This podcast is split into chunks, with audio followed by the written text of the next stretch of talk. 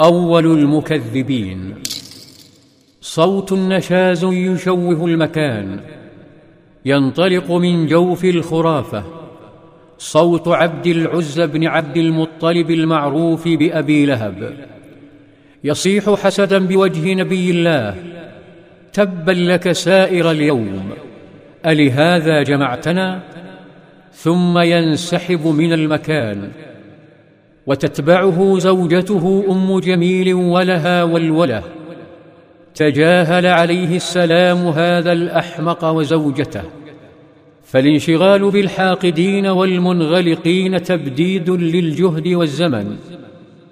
واتجه لمن يفتح عقله وقلبه ويطرح الأسئلة الجادة. وتنزل آيات تحرق أول مكذب.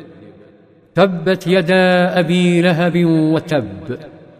ما أغنى عنه ماله وما كسب. سيصلى نارا ذات لهب. وامرأته حمالة الحطب. في جيدها حبل من مسد. كثر أتباع النبي عليه السلام سرا. وشعرت قريش بنظافة وسكينة بعض أبنائها وبناتها وعبيدها وأحست بارتياحهم والتماع أعينهم كلما ذكر اسم محمد. عندها عقدت الاجتماعات وجرت المشاورات يقودها زمرة من الطواغيت كأبي لهب وأبي جهل وأمية بن خلف وعقبة بن أبي معيط. ثم بدأت التحقيقات والاستجوابات فأسفرت عن مفاجآت مخيفة لهم. الإسلام قد انساب كالماء العذب إلى بيوتهم دون أن يشعروا. هبوا فزعين بدأوا بالترغيب. فلما فشلوا حولوا مكة إلى زنزانة مرعبة لكل من يخرج عن دين الأجداد.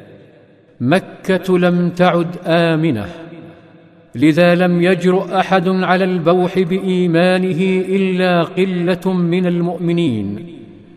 فأول من أظهر إسلامه سبعة النبي صلى الله عليه وسلم وأبو بكر وعمار وأمه سمية وصهيب وبلال والمقداد.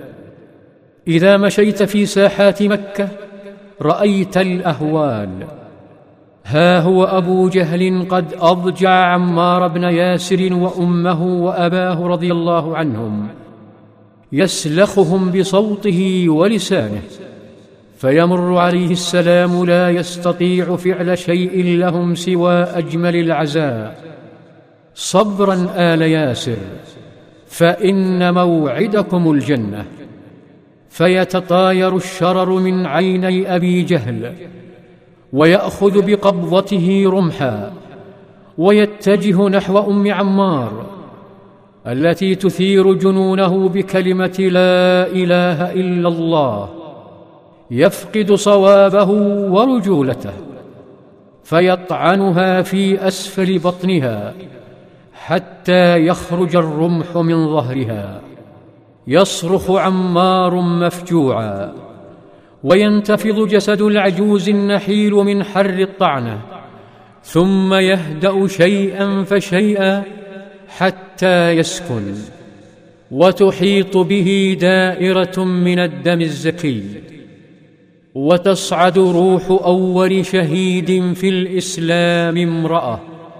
وتسمع الشابة أم سلمة بالخبر.